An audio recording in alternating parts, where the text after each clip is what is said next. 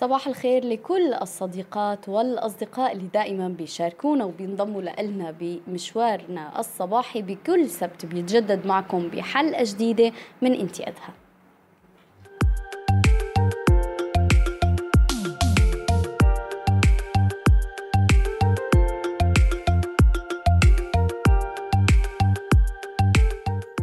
شهر أكتوبر الوردي هو الشهر اللي بكل عام بيتقدم فيه التوعية حول أهمية الكشف المبكر عن سرطان الثدي. بحسب منظمة الصحة العالمية يعتبر سرطان الثدي هو أكثر أنواع السرطان شيوعا في العالم والسبب الرئيسي للوفيات الناجمة عن السرطان في أوساط النساء. وبتتأثر البلدان المنخفضة والمتوسطة الدخل فيه على نحو غير متناسب. ومن خلال هي المبادرة العالمية لمكافحة سرطان الثدي بتسعى إلى خفض معدل الوفيات الناجمة عنه واللي بتتقدر بنسبة 2.5% سنويا. ويمكنها على مدى 20 سنة من خلال هذه المبادرة ممكن أنه يتم إنقاذ أرواح 2.5 مليون شخص. والغرض من هي المجموعة ومن هي الاستراتيجية والتقنية الأساسية هو تحديد مسار لإدخال تحسينات تدريجية مستدامة مكيفة مع الاحتياجات الخاصة لكل بلد استنادا لثلاث استراتيجيات وأهداف رئيسية.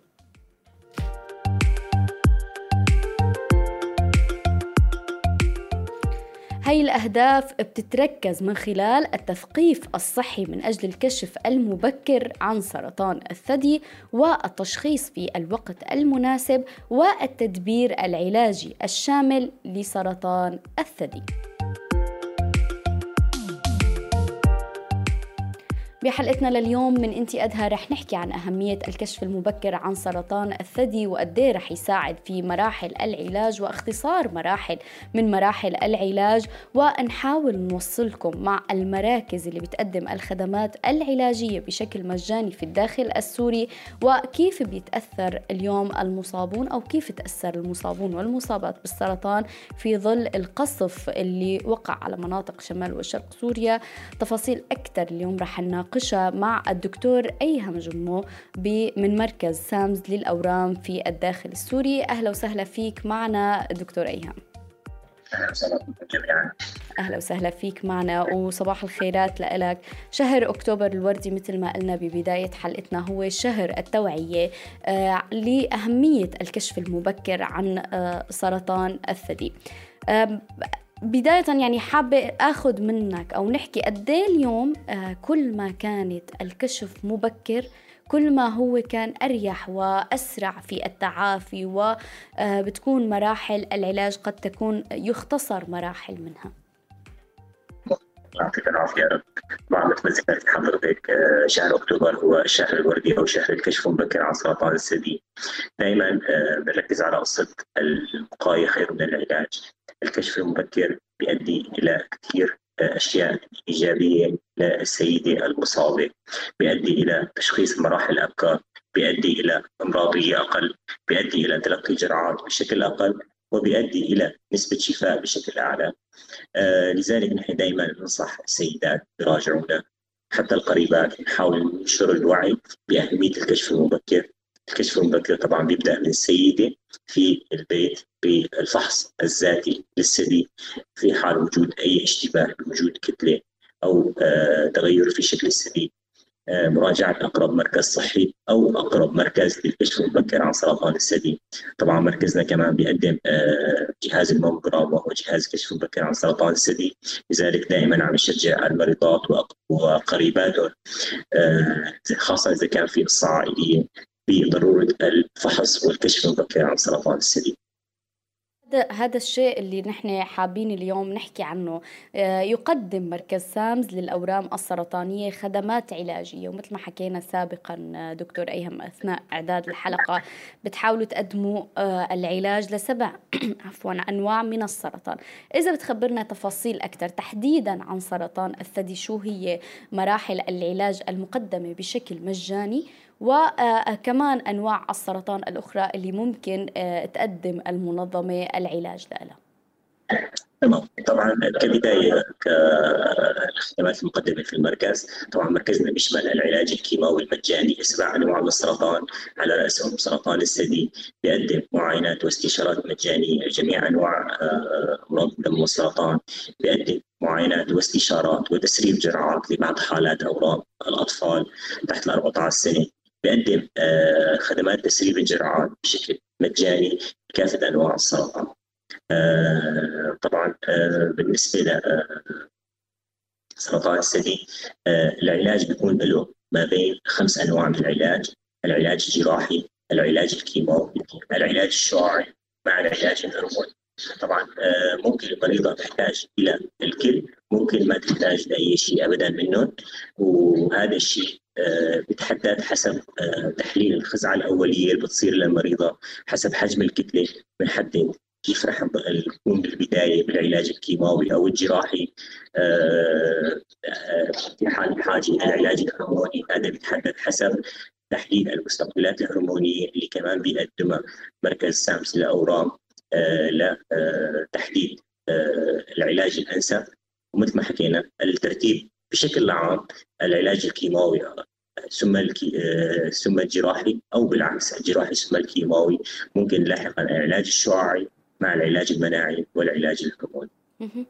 اليوم آه، كمان هون آه، هل كل هذه الخدمات ذكرت أنت آه، يعني قبل شوي دكتور إيهم إنه هذه الخدمات مجانية ولكن قد تحتاج أو يحتاج المريض متابعة بالأدوية؟ هل هناك كمان تقديم لهي لخطة العلاج المتابعة؟ وهل بيحتاجوا كنوع من الأدوية إنه هن يستعملوها تترافق مع خطة العلاج؟ وهل تقدم بشكل مجاني أو لا؟ تمام. هلا بالنسبة للخطة العلاجية الخمس أنواع من العلاج اللي ذكرناها. للأسف آه، في نوعين من العلاج غير متوفرين في العلاج الشعاعي للأسف لا يتوفر. طبعا الحمد لله نعرف مثل ما بنعرف خلال الفترة الماضية تم إدخال جهاز العلاج الشعاعي وسيتم تشغيله قريبا. هذا الشيء راح يخفف عبء كبير للمرضى بالتحويل إلى إلى داخل التركي بتلقي العلاج الشعاعي. في عندنا العلاج المناعي. هو العلاج للأسف آه، مكلف ولا يتوفر مجانا أحيانا. لكن آه، في منظمات عم تساعد أحيانا بتأمين هذا الدواء للمرضى. فلذلك الخطة بتكون كشف مبكر موجود علاج جراحي موجود علاج كيماوي موجود. العلاج الشعاعي قيد التثبيت بإذن الله، العلاج الهرموني موجود ومتوفر مجانا، العلاج المناعي آه، أحيانا أو آه، أحيانا لا يتوفر مجانا. آه، الأدوية التي يستعملها المريضة مع مع مع الخطوط العلاجية خاصة العلاج الكيماوي هي مثل ادويه لحماية المعدة.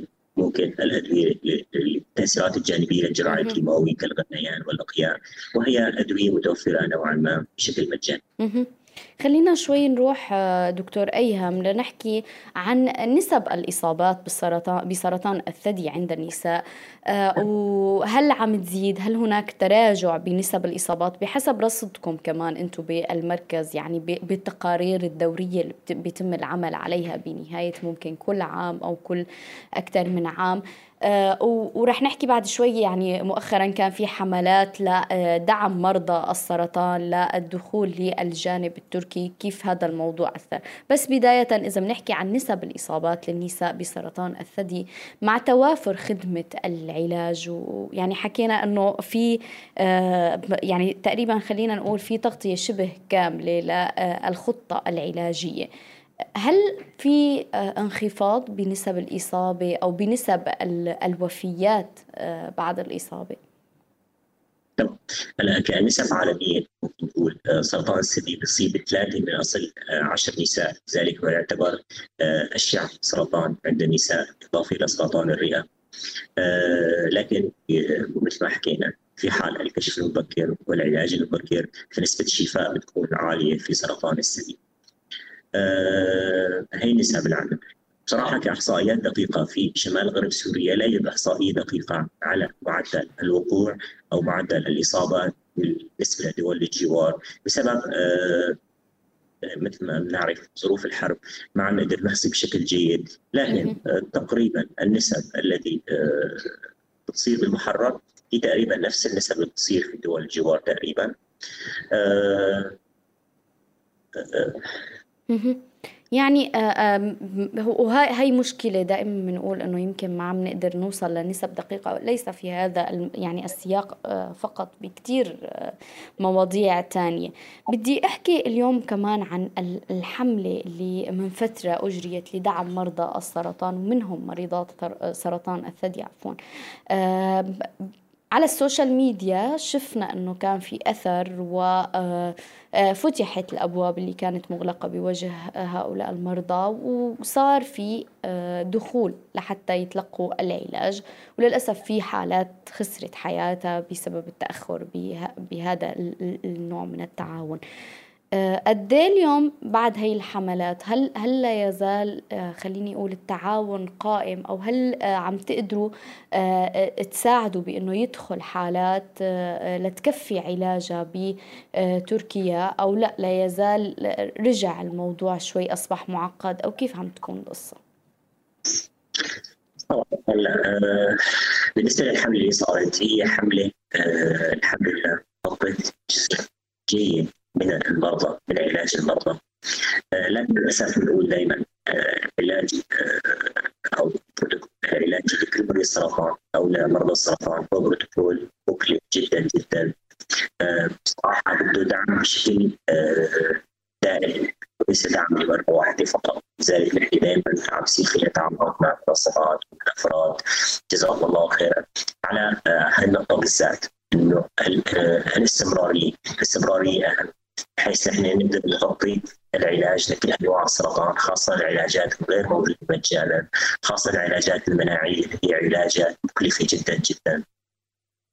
طبعا خلال الفترة الأخيرة آه، مثل ما بنعرف بعد الزلزال صار في إيقاف لآلية العبور عبر الحدود حوالي تقريبا ثلاث لاربع شهور. بعد فترة صار في فتح للمرضى اللي كانوا أساسا متعالجين في تركيا. بعد فترة بلش يستقبلوا المرضى الجديد. مشخصين حديثا خلال الفترة الماضيه كان في صعوبة وصار في تأخير ومثل ما حكيت حضرتك للأسف في مرضى توفوا بسبب التأخر الحصول على الخدمات العلاجية. خاصة الخدمات العلاجية اللي حكينا فيها اللي هي مكلفة جدا كالعلاج المناعي أو العلاج الذي لا يتوفر لدينا وهو العلاج الشعاعي. للأسف آه، كان ظروف مرجع الاراده آه، خلال الفترة الماضية كمان الأسبوع الماضي بسبب القصف اللي صار على ادلب كمان صار في كمان شوية تأخير دخول المرضى إلى آه، تركيا لكن الحمد لله تم تجاوز الأمر وأعاد التحويل مرة أخرى. آه، مثل ما بالنسبة للحملات نتمنى دائما هو الاستمراري. نغطي جزء جيد من المرضى لكن لا يكفي مرضى السرطان في شمال غرب سوريا لذلك نحن دائما نطمح لاستمرار الدعم لا تكاتف جهود المنظمات لا إنشاء مركز متكامل.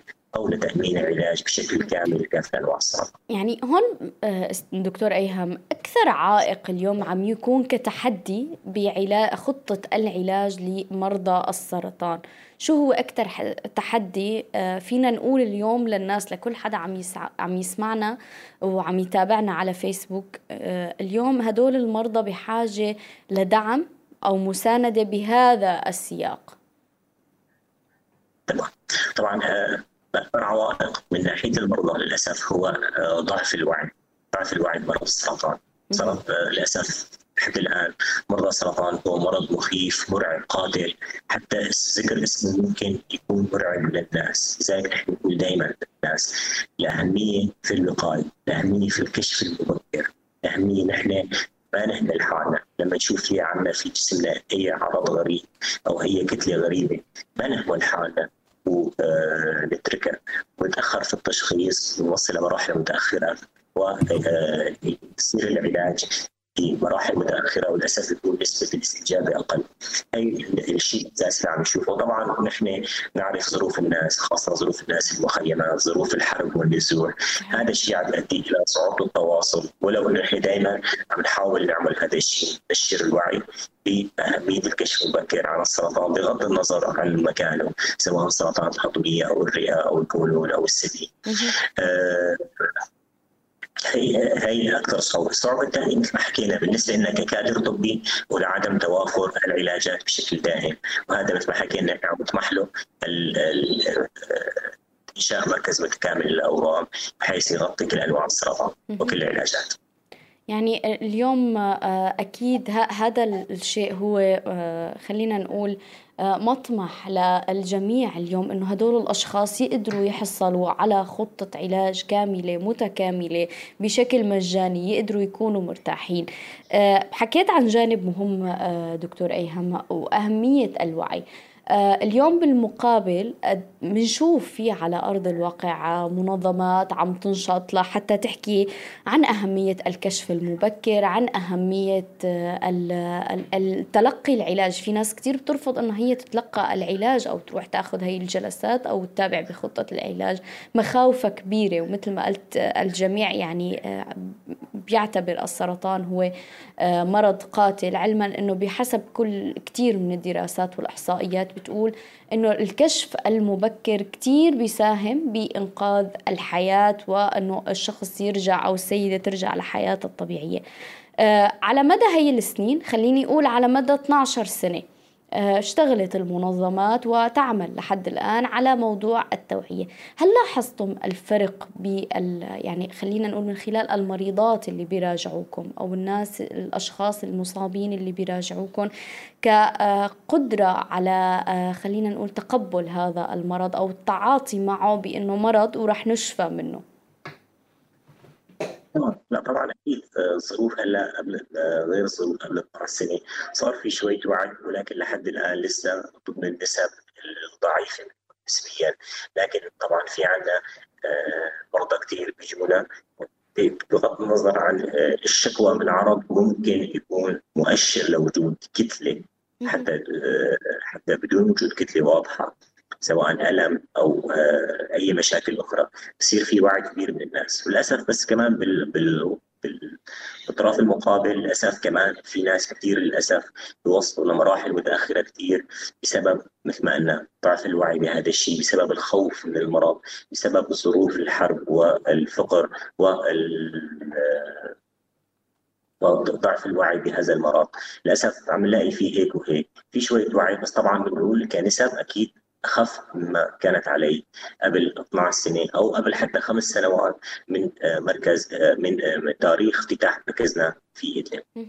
بدي أسألك يعني كمان دكتور ايهم اليوم بالفترة الأخيرة شهدت المنطقة للأسف آه، قصف آه، عنيف على المنطقة. هل هذا الشيء أثر على آه، خطط العلاج أو حتى على مراكزكم اللي بتقدم هي الخدمات بشكل مباشر؟ هل تأثرتوا؟ كيف تعاملتوا مع الموضوع؟ وكيف أثر على الأشخاص بالمقابل؟ تمام. طبعا يعني بالأهم أهم خطوة بالنسبة لنا هي حماية المدنيين حماية المرضى من القصف لذلك اضطرينا آسفين إلى إيقاف المعاينات وإيقاف الاستشارات وإيقاف الجرعات خلال فترة القصف حفاظا على أرواح المدنية. بما إنه انه ممكن نحن آه، لظروف طاهرة ناخر شوي العلاج، طبعا نحن ما بنفضل هذا الشيء ابدا بس لما تكون ظروف طاهرة وخارجة عن الاراده ممكن نعمل هذا الشيء. هذا الشيء إلى إلى تاخر آه، علاج بعض المرضى. ومثل ما حكينا حتى صار في تأخير أحيانا في تحويل المرضى لكن الحمد لله آه، تم تلافي الامر وعاد العمل بشكل طبيعي. وحاليا مراكزنا ممتلئه بالمرضى والمراجعين. نتمنى لهم كمان كل الشفاء يعني لكل مين عم يراجع وعم يتابع بخطة العلاج. قد إيه اليوم آه، دكتور أيهام الحالات الساخنة بمناطق النزاع وهي آه، يعني بحسب آه، كل التوصيات العالمية هي أولوية يفترض أن تكون الحالات الساخنة وخلينا آه، نقول إبعادها عن مناطق النزاع هو أولوية وتقديم الخدمات اللي هن بحاجة لها قد إيه اليوم نحن خليني أقول نحن كسوريين قدرانين إنه نحن هي الحالات يمكن البعض بسميها حالات باردة. ولكن فعليا هي قد تكون بمراحل الحالات الساخنة.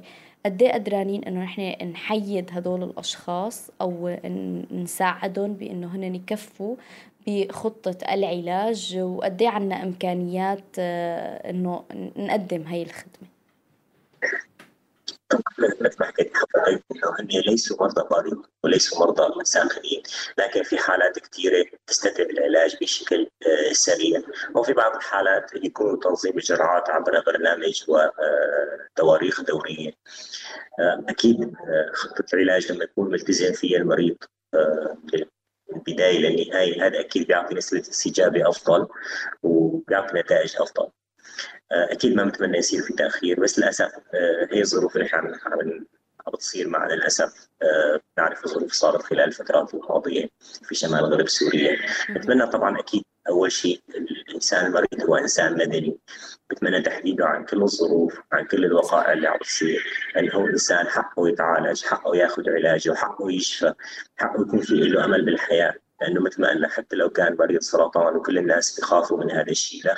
مريض السرطان في له امل بالحياة والشفاء مثله مثل أي أمراض ثانية إذا تعالج بشكل جيد.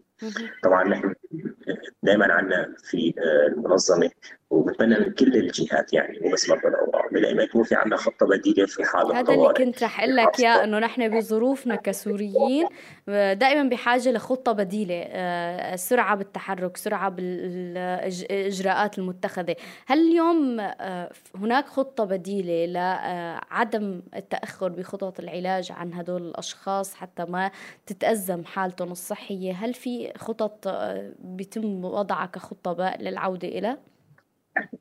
تمام. طبعا الخطه البديله مثلا على سبيل المثال إنه إحنا في حال تعرض أي منطقة للقصف مراكز سامس للاورام منتشرة في منطقة جغرافية كبيرة نوعا ما. طبعا البدايه بمركز الاورام في إدلب وهو مركز رئيسي مركز الباب مركز جرابلس ومركز باب الهواء. لذلك إذا صار في لا سمح الله انقطاع في مركز ما نحن ممكن نعوض بالمراكز التالية. ممكن يصير تسريب الجرعات والمعاينات بالمناطق الثانية المناطق الباردة والبعيدة عن مناطق التهديد. آه هذا الشيء نحن عم نحاول دائما نعمله. آه في حال صار أي انقطاع نحن نعوضه بمراكز ثانية بحيث ما ناخر المريض عن العلاج. بدي أتشكرك دكتور أيهم من منظمة سامز لحضورك معنا لليوم مدير مركز سامز للأورام في الداخل السوري. شكرا لأنك وضحت التفاصيل والمعلومات وشكرا لأنه عندكم خطة لل يعني لخطط العلاج لحتى تتابعوا مع المريضات والمريضين اللي بهن بحاجة العلاج. وبنتمنى فعلا دائما الجميع يبقى بخير وصحة وعافية وما تشهد سوريا هذه الحملات اللي للأسف عم تأثر على الجميع. كل الشكر لحضورك معنا لليوم ولمشاركتك. شكرا. تحياتنا للجميع. وين ما كنتوا عم تسمعونا على ال FM على 98.5 وعم تتابعونا على صفحة راديو روزنا على فيسبوك أو على قناة روزنا على يوتيوب. بنتمنى الجميع يكون دايما بخير وصحة وعافية. وأكيد اتصالاتكم متاحة على الأرقام 090 35 052 3 8 و 058 4 4 7 65 فيكم أيضا تنضموا لنا بالصوت والصورة عبر سكايب روزانا dot GZT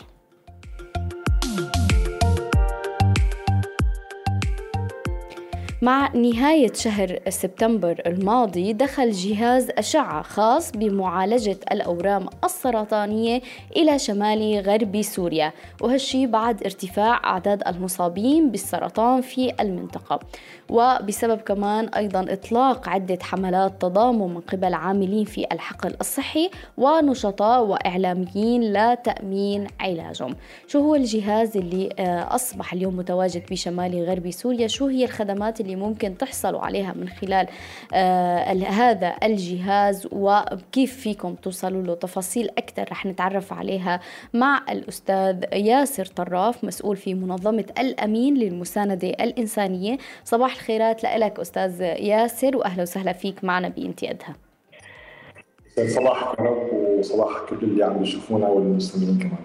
يسعد كل أوقاتك. اليوم عم نحكي عن أهمية الكشف المبكر لسرطان الثدي وشهر أكتوبر مثل ما الكل بيعرف هو شهر التوعية بأهمية هذا النوع من الكشف وقد بيساعد أنه نحن نختصر كتير مراحل من العلاج وتكون مثل ما بيقولوا الوقاية خير من قنطار علاج.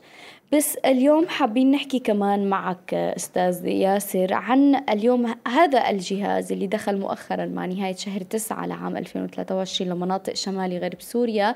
آه، أكثر تشرح لنا عن هذا الجهاز شو هي الخدمات اليوم اللي رح يحصل عليها مريضات ومريضي السرطان من خلال هذا الجهاز؟ بداية اسمحي لي أحكي بنبذة مختصرة عن عمل منظمة الأمين آه، اللي هو تحديدا بالقطاع الطبي بشكل كثير كبير آه، إحنا شغالين بقرابة 10 دول بالقطاع الطبي سواء من خلال مراكز رعاية صحية أولية أو من خلال عيادات نقل موبايل كلينيك أو من خلال مراكز أطراف صناعية متواجدين باليمن، لبنان، أربيل، الصومال، جيبوتي وكمان سوريا بشكل أساسي.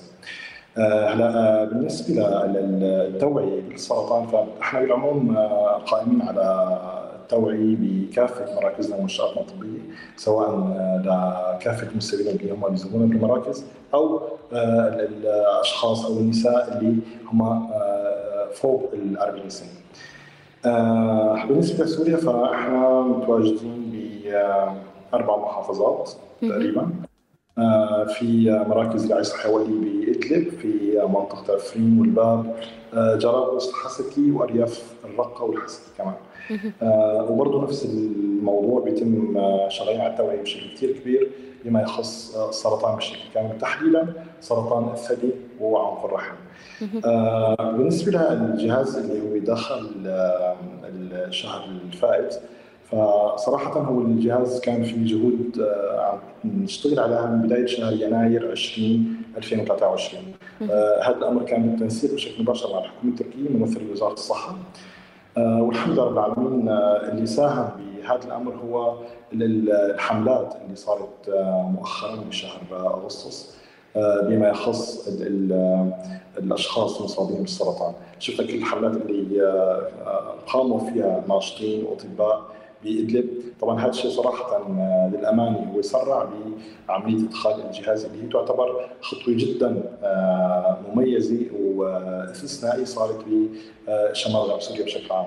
آه، السبب هو باختصار مش بالتكلفة الخاصه بالجهاز، السبب هو بآلية إذن إدخال الجهاز من آه، تركيا إلى الاراضي السورية لأن كلنا بنعرف إنه آه، هاي الأمور هي يعني آه، أقرب إلى ما تكون يعني مرتبطة بالحكومات ناهيك عن الأبعاد السياسية اللي ممكن تكون متواجدة بالنسبة لهي النوعيه من الأجهزة. طبعا تمكنا من إدخال الجهاز الحمد لله العالمين من قرابة أكثر من أسبوعين. هما للتوضيح هما جهازين وليس جهاز واحد. نحن عم نحكي عن الجهاز الأول واللي هو بتخيل آه، حيستخدمه الأشخاص أو المصابين بالدرجة الأولى اللي هو جهاز ال PET scan أو positron emission tomography scan اللي هو آه، مسح التصوير المقطعي بالاصدار البوزيتروني آه، طبعا في أربع مهام أساسية بيركز عليهم الجهاز.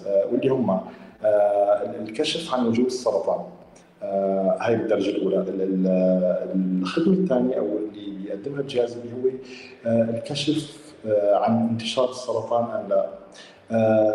ثلاثة التحقق من فعالية العلاج اللي عم يتم تقديمه للمريض سواء كان اشعاعي أو سواء كان كيميائي. رابعا وأخيرا طبعا اكتشاف عودة السرطان في حال رجع أو لا. طبعا الجهاز هو ما مختص بس بموضوع السرطان لكن إنما هو أكثر ما يفيد لاكتشاف السرطان بس برضه كمان في له خدمات ثانية فيه يشتغلها اللي هي الكشف عن أمراض القلب مثل انخفاض تدفق الدم وكمان عم نحكي عن اضطرابات الدماغ مثل الزهايمر وال مثل الزهايمر والصراع لما الصرع اللي بصير في الدماغ البني آدم. طبعا هذا الشيء بيتم من خلال زرع متتبع وريديا بيتم حقنه بجسم المريض. هذا المتتبع بيوصل بشكل مباشر لاماكن تمركز أو وجود الورم. آه، وطبعا هذا الشيء بيوضح على الجهاز من خلال آه، على شكل وميض أو آه، زي الأضواء البسيطة يعني. طبعا هذا الشيء ناتج عن أنه زيادة وميض الخلايا السرطانية مقارنة بالخلايا الطبيعية. وبهذه الطريقة بيتم اكتشاف وجود السرطان بيتم اكتشاف حجمه. وعلى هذا الأساس بيتم تحديد آه، آلية التعامل معه. آه، أمد وكيف وين. يعني آه، شيء خليني أقول مفرح اليوم إنه نشوف هاي الأجهزة اليوم عم توصل لمناطق الشمال. بتقدر الناس تستفاد منها بشكل مجاني صحيح؟ آه، زي ما حكيت آه، هو الجهاز آه، بيكشف عن الأورام السرطانية الصلبي في كل من عم نحكي عن الدماغ عم نحكي عن الثدي عم نحكي عن عنق الرحم وبرضه عم نحكي عن القولون والمستقيم وعلى البروستاتا والجلد والغدة الدرقية. طبعا هذا هو الجهاز رقم واحد اللي هو كنا عم نحكي عليه ال PET scan. الجهاز الثاني وهو الأهم اللي هو ال radiotherapy أو آه، هل وصل؟ اليوم هو متواجد في مناطق الشمال هل وصل أو هو يعني قيد ال... إحنا زي ما كلمتك إحنا تم ادخلناه من فترة آه وحاليا هو ضمن مدينة عفرين آه بيتم حاليا العمل على آه تجهيز بناء خاص بهاي الأجهزة لأنه مثل ما بتعرفي إنه هاي الأجهزة آه، حيكون في لها أشعاعات آه، ولا اثار جانبيه جدا خطيرة. ف وبالتالي إحنا إجباري لازم يكون في عندنا مكان مخصص بعيد عشان نضمن آه، سلامة المرضى والمستفيدين بشكل عام. فاحنا حاليا يعني قيد تجهيز البناء من خلال شركة مختصة صراحة إجت من خارج سوريا عم يشتغل على موضوع البناء. آه، إن شاء الله نتوقع إنه يبدأ العمل آه، مع نهاية آه، سنة 2023 طبعا حيكون العمل من خلال فريق أو خبراء مختصين. برضه كمان حيكونوا من خارج شمال غرب سوريا. لأنه مع الاسف أنت بتعرف إنه هذا الجهاز الأول من نوعه اللي بيدخل للمنطقه وبالتالي ما في أشخاص مؤهلين ليقدروا إنه يشتغلوا عليه ويؤدوا الخدمات المطلوبة، لكن إحنا عاملين خطه إنه حيكون هذا الفريق حيبقى متواجد بالداخل السوري آه، وشغال على الاجهزه لفترة معينة لحد ما آه، يكون في عندنا كوادر آه، مؤهلة قادرة على إنه تقوم بنفس المهام اللي عم بيقوم فيها الفريق أو اللي راح يقوم فيها الفريق بالفترات الجاية إن شاء الله. يعني آه، مهم جدا كمان نحن إنه آه، تكون الكوادر آه، السورية مؤهلة للتعامل مع هي الأجهزة مشكورين على هذا الجهد وعلى السعي ليكون في هذا النوع من الأجهزة اللي بتقدم خلينا نقول خدمات مهمة جدا بتوفر الكثير من التعب والجهد. قد إيه متوقع؟ يعني ما بعرف يعني خطر ببالي. قد إيه متوقع آه، نسب الأشخاص اللي هن آه، كانوا بيدخلوا على على تركيا لتلقي العلاج أو لمتابعة العلاج ان هي آه، تنخفض أو تتراجع من خلال تقديم هي الخدمات من خلال هي الأجهزة. هلا خلينا قبل ما نحكي عن موضوع النسب حتى يكون جوابنا دقيق. نحن حاليا كنا عم نحكي عن جهاز البيتي سكان اللي هو بيساعدنا على تشخيص تموضع آه، الجهاز الثاني طبعا هذا الجهاز أكيد آه، بالحاله الطبيعيه آه، كل المستفيدين هم حيستفادوا من خدمات هذا الجهاز. هو فقط عم يكشف ويحدد مكان الورم وحجم الورم واليه التعامل معه. لكن الجهاز الثاني اللي إحنا ممكن نحدد نسب فيه اللي هو جهاز الراديو ثيروبي أو جهاز العلاج الإشعاعي. هذا هو الجهاز متوقع انه يستفاد منه أكثر من 70% من المصابين. آه، طبعا هذا الجهاز آه، بيساعد على آه، معالجة الاورام الخبيثه بنسبه كبيرة منها بشكل كامل، إضافة أيضا للاورام الحميده واللي هي غير السرطانيه. طبعا بيستخدم وحده لعلاج السرطان بشكل كامل في حال كان الورم بمراحل معينة قابل لأنه للعلاج بشكل شعاعيا من خلال طبعا تسليط آه، حزم اشعاعيه مركزه على تموضع مكان الورم. آه، برضه كمان الجهاز بيستخدم ما قبل آه، جراحة الورم. عشان يقلل من حجم الورم وبالتالي نسبة النجاح عمليات أو جلسات اشعاعيه بتكون أقرب للنجاح من ما قبل ما يتم العمل على تركيز الجلسات. الثلاثه نحن عم نحكي عن بخفف الأعراض اللي ممكن تسبب السرطان في المراحل المتقدمه. آه وأخيرا نحن كمان عم نحكي إنه آه في أكثر من آه من 10 ل 30 دقيقة راح يطول آه الجلسة الواحدة هذا الجهاز. وبالتالي إحنا عم نحكي عن رقم محدد صراحة اللي هو ما بيتجاوز ما بين ممكن 15 ل 25 مستفيد بشكل يومي. لأنه أكيد الجهاز ما في قدرة لأنه يشتغل أكثر من ذلك. تماما. وبالتالي إحنا عم نحكي عن رقم محدد. وهذا هو الجهاز اللي ممكن يحدد نسبة الاشخاص المستفيدين من توتال الأشخاص اللي عندنا. يعني في حال نحن عم نحكي عن 3100 مريض فقط في محافظه إدلب فمتوقع إنه اللي استفاد منهم هم 2200 ل 2300 شخص. الأشخاص الثانيين هم ممكن يكونوا واصلين مراحل متقدمة الورم بيكون يعني واصل مراحل متقدمه جدا في جسمهم وما بيكون نافع معهم إلا العلاج الكيميائي وبرضه كمان بشكل نسبي يعني مش نسبه بتكون دقيقة 100% صح لا حتى العلاج الكيميائي بهذيك الفترة بيكون نافع بشكل نسبي مع الأسف. يعني بنتمنى فعلا هذا الجهد يستفيد منه كل مين بحاجة خلينا نقول الفائدة من هي الأجهزة. مؤخرا أستاذ ياسر للأسف كان في حملة شرسة على المناطق بالداخل السوري وإدلب تحديدا وأكثر من نقطة تم استهدافها.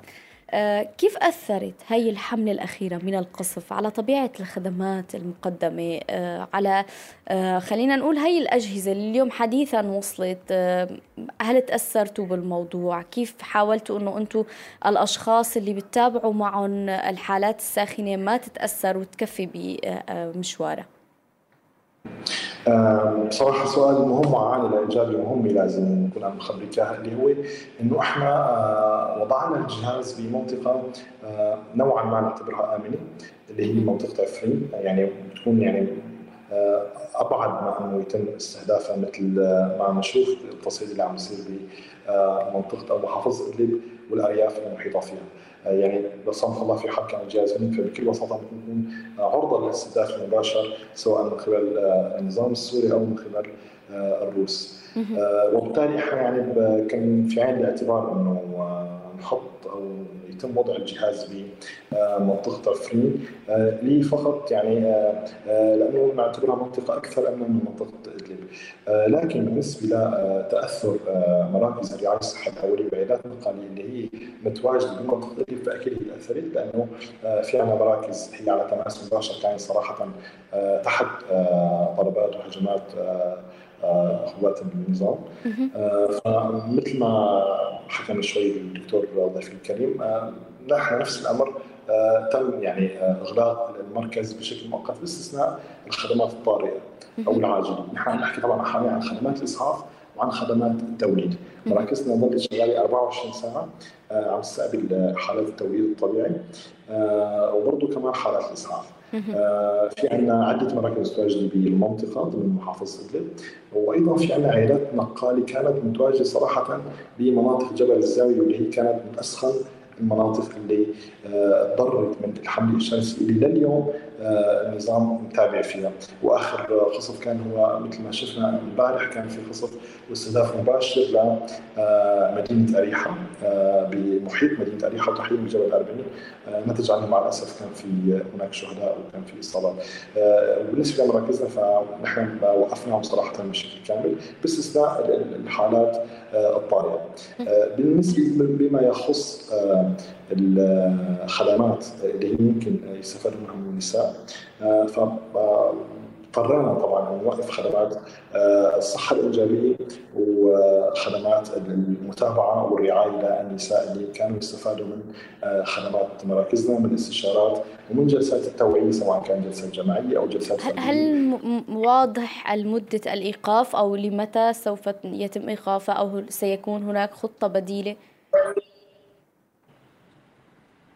لا هلا هي صراحة تم إيقافها بشكل مؤقت خلال الأربع أيام أو الخمس أيام الأولى. لكن يعني اليوم نكون صريحين يعني حده التصعيد اللي خفت أو قلت بالنسبة مقارنة ببداية الحملة. بالبدايه رجعنا صراحة فعلنا المراكز مع اخذ بعين الاعتبار المعايير السلام للجميع خصوصا الكوادر اللي إحنا شغالين معاهم. فالامر يعني نوعا ما هو رجع بشكل سابق. لكن يعني مش 100% في لليوم موظفين هم آه، نزحوا المنطقة في موظفين أكيد. ضربوا أشخاص آه، يخصوهم وبالتالي يعني هم غير متواجدين مع الأسف. لكن آه، المراكز حاليا متواجدة فعالي. باستثناء العيادات المتنقله اللي متواجدة بجبل الزاوية إحنا صراحة وقفنا العمل حاليا لأنه لليوم يعني منطقة جبل الزاوية هي منطقة ساخنة. منطقة ساخنة صحيح. نتمنى لكم العودة للعمل بكل الكوادر وبكل المراكز تبعكم أستاذ ياسر. وبنتمنى دائما السلامة والأمان للجميع. كل الشكر لحضورك معنا لليوم. وبنتمنى فعلا نوصل يوما ما صفر حالات سرطان في الداخل السوري. شكرا كثير لحضورك معنا بانتياد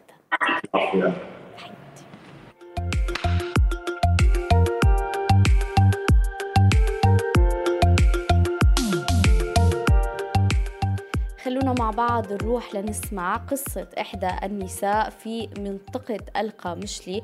لحتى نعرف أكثر عن آه، تواجد المراكز أو هل هناك مراكز أو خدمات تقدم بهي آه، المنطقة. لموضوع الكشف المبكر أو علاج سرطان الثدي.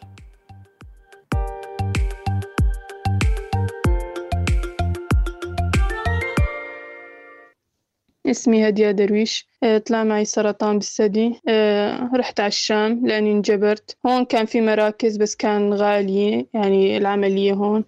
كمان آه، كانت كتير كان في أدوية مفقودة بسبب هالأزمة والحرب. فانجبرت روح على الشام.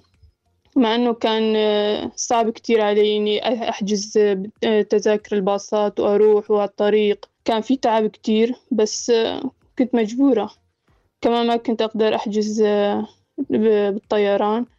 آه، تذاكر غالية كتير بسبب هالأزمة السورية. فرحت يعني بالباصات رحت عملت عملية استئصال وهني كان في مساعدات كمان ساعدوني. عملت أول شي كان كتير صعب آه، هالجرعات. تعب نفسي كان في جسدي. بعدها تخطيت هالمرحلة يعني كنت أدعم حالي. أه والحمد لله هلأ أنا منيحة يعني وخلصت من هالمرض. كان أه كل شهر أعمل تحاليل. أه أتأكد إنه ما في شي ما رجع لي هالمرض. وهلأ يعني وضعي ممتاز.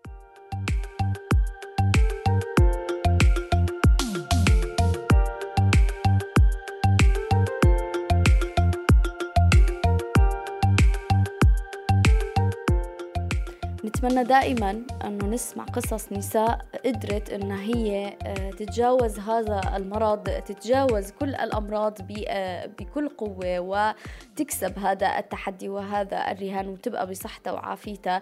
آه، مع الأسف قد يكون التحديات الاقتصادية التحديات الأمنية التحديات بخطط العلاج هي تحدي حقيقي جدا. بيوقف بوجه آه، رحلة التعافي لكل مصاب أو مصابة بمرض السرطان.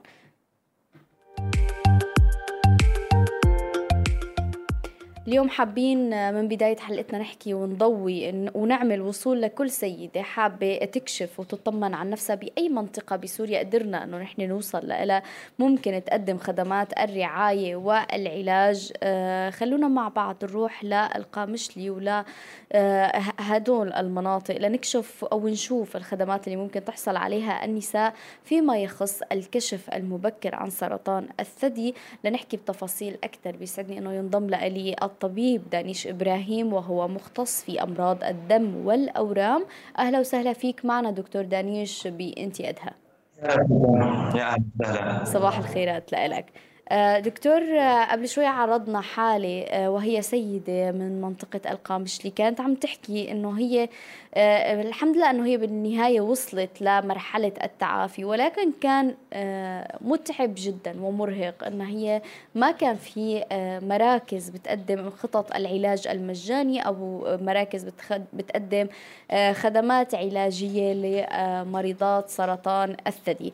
إذا بتخبرنا عن طبيعة خلينا نقول نقول عمل المراكز المتواجدة هل هناك منظمات مجتمع مدني بتأمن آه، خطط العلاج الكاملة المتكاملة بكل أنواعها لمرضى السرطان؟ تمام بالنسبة لوجود مركز يخدم المنطقة آه، مركز على أرض الواقع فعليا على أرض الواقع ما في مركز صراحة. ما في مركز بيقدم خدمات جدية لحد الآن صراحة. هلأ بالنسبة للمراكز الموجودة عندنا بالقامشلي مثلا في عندنا مركز اسمه مركز الأورام آه، تابع لجمعية سرطانات الأطفال مقر الأساسي بحلب. هاي صار ثلاث سنوات فاتحة. هي موجودة بشكل نظري فقط على أرض الواقع صراحة بس بشكل عملي ما بتقدم أي خدمات يعني ما بتقدم أدوية ما بتقدم سيرومات ما في تقديمات لأي شيء لسكان المنطقة. بس المريض بيروح يسجل اسمه ووعود عبارة عن وعود إنه قريبا يمكن يعطوه آه، يجي العلاج ويكمل العلاج. هذا المركز التابع آه، للحكومة. في مركز ثاني مراكز عبارة عن جمعيات. جمعيات مثل جمعية الأمين في جمعية البر. هذول الجمعيات يعني تساعد المريض إنه توفر عليه تكلفة العلاج حق سيرومات حق أجور الطبيب فقط. أما ما بتأمن له صراحة آه، حق العلاج الكيماوي. آه، فالمريض عندنا بالمنطقة لحتى الآن عم يشتري العلاج الكيماوي على حسابه الشخصي. عم يجيب العلاج على حسابه الشخصي عم يجيبه. قد مكلف هذا العلاج يعني كنفقة دكتور؟ آه، نفقة العلاج صراحة العلاج مكلف جدا. بظل ارتفاع أسعار الدولار العلاج بالفترة الأخيرة مكلف جدا صراحة.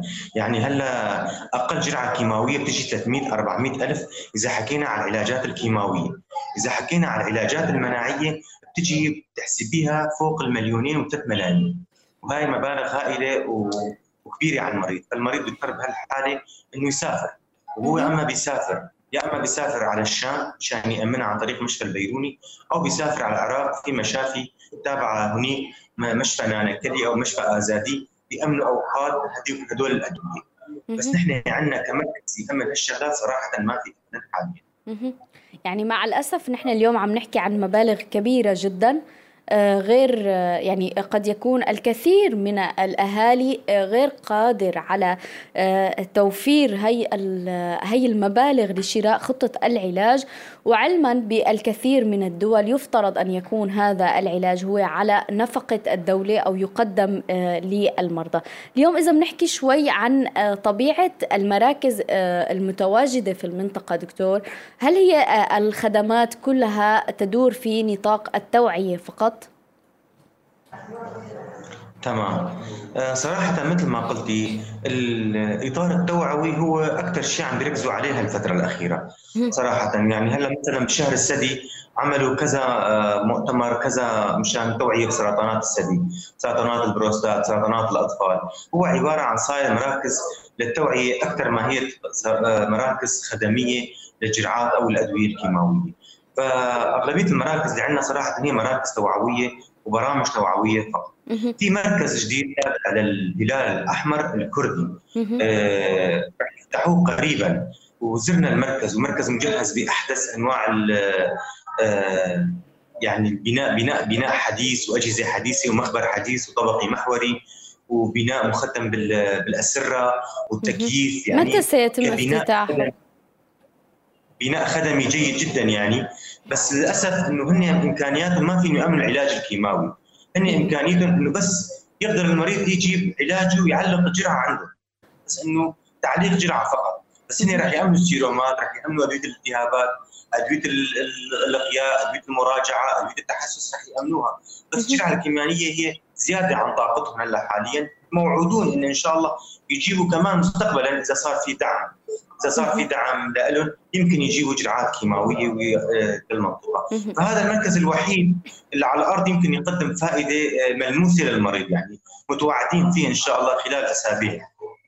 يعني بنتمنى فعلا إنه هاي المراكز تقدم خطط علاجية كاملة متكاملة لأنه يعني الموضوع آه، كبير جدا وقد يكون هناك حالات آه، كثيرة جدا. بدي أروح معك دكتور دانيش لحتى نسمع قصة إحدى النساء اللي خاضت تجربة أيضا مع سرطان الثدي. ونرجع لحتى نحكي عن موضوع الهجمات الأخيرة اللي حصلت في المنطقة كيف أثرت على الحالات الساخنة وعلى المراكز.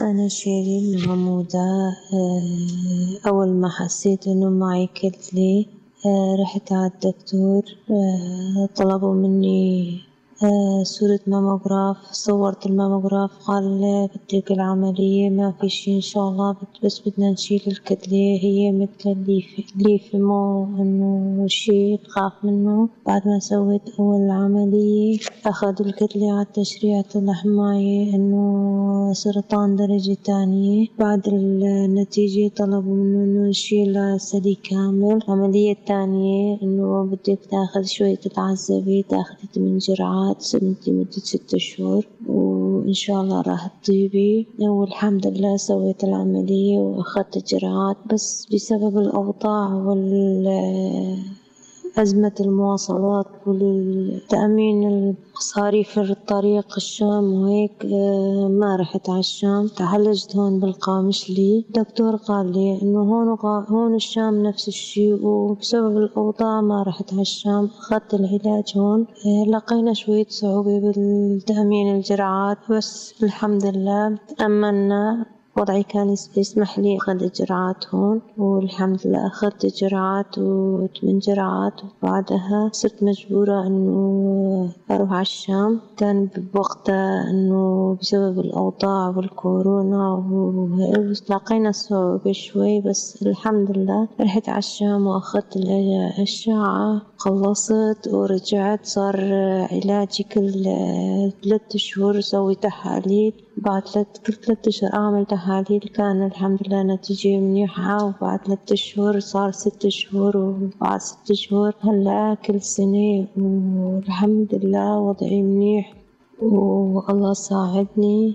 ومرض سرطان ثدي مثل أي مرض عادي. لازم نحن نقوي حالنا ونساعد بعض نساعد حالنا. والله يشفي الجميع.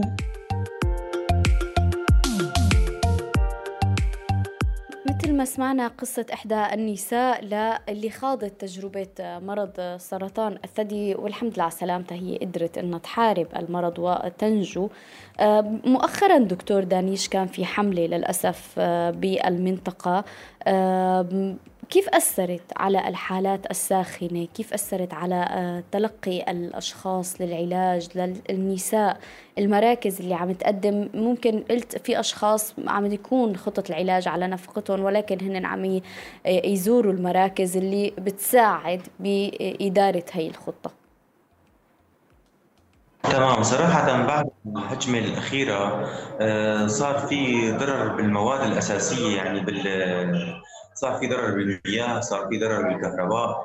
هذا الشيء أثر صراحة على تقديم المساعدات اللي كان عم تقدمها. هلا مثلا آه، المراكز اللي كانت تقدم تصوير ماموغراف أو تصوير إيكو آه، صار في مشاكل يعني بعدم الإعطاء بسبب الأضرار اللي حصلت. آه، تمام الفترة الأخيرة كمان صار في انقطاع بالطرقات يعني صار في المريض صار صعب يقدر يجي يعني ياخذ حتى جرعته على حساب نفقته الشخصية. بسبب إغلاق بعض الطرقات وبسبب وجود آه، حداد بالمنطقة آه، بسبب وجود شهداء صار في يعني تاثرت الفترة الأخيرة المنطقة صراحة آه، بالأحداث الأخيرة كان في تأثير واضح يعني على مرضى السرطانات بس يعني هلا الأمور بلشت تنحل شوي شوي الحمد لله. فتحت الطرقات وصلحت بعض الأمور وان شاء الله تصلح الأمور الثانية يعني نتمنى فعلا يعني آه،. تفضل دكتور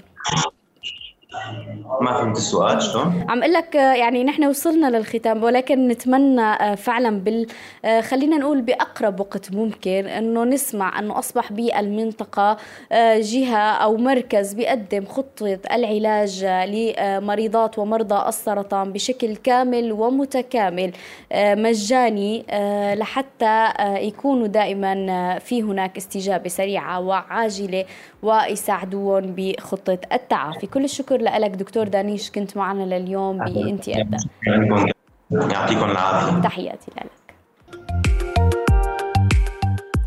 وصلنا لختام حلقتنا لليوم. من انتي أدهى كنت معكم أنا نور من وراء المايك بالإعداد والتقديم. والشكر أيضا موصول لزملائي آش في الإخراج الصوتي والمرئي وكاتيا داغستاني على ال social media.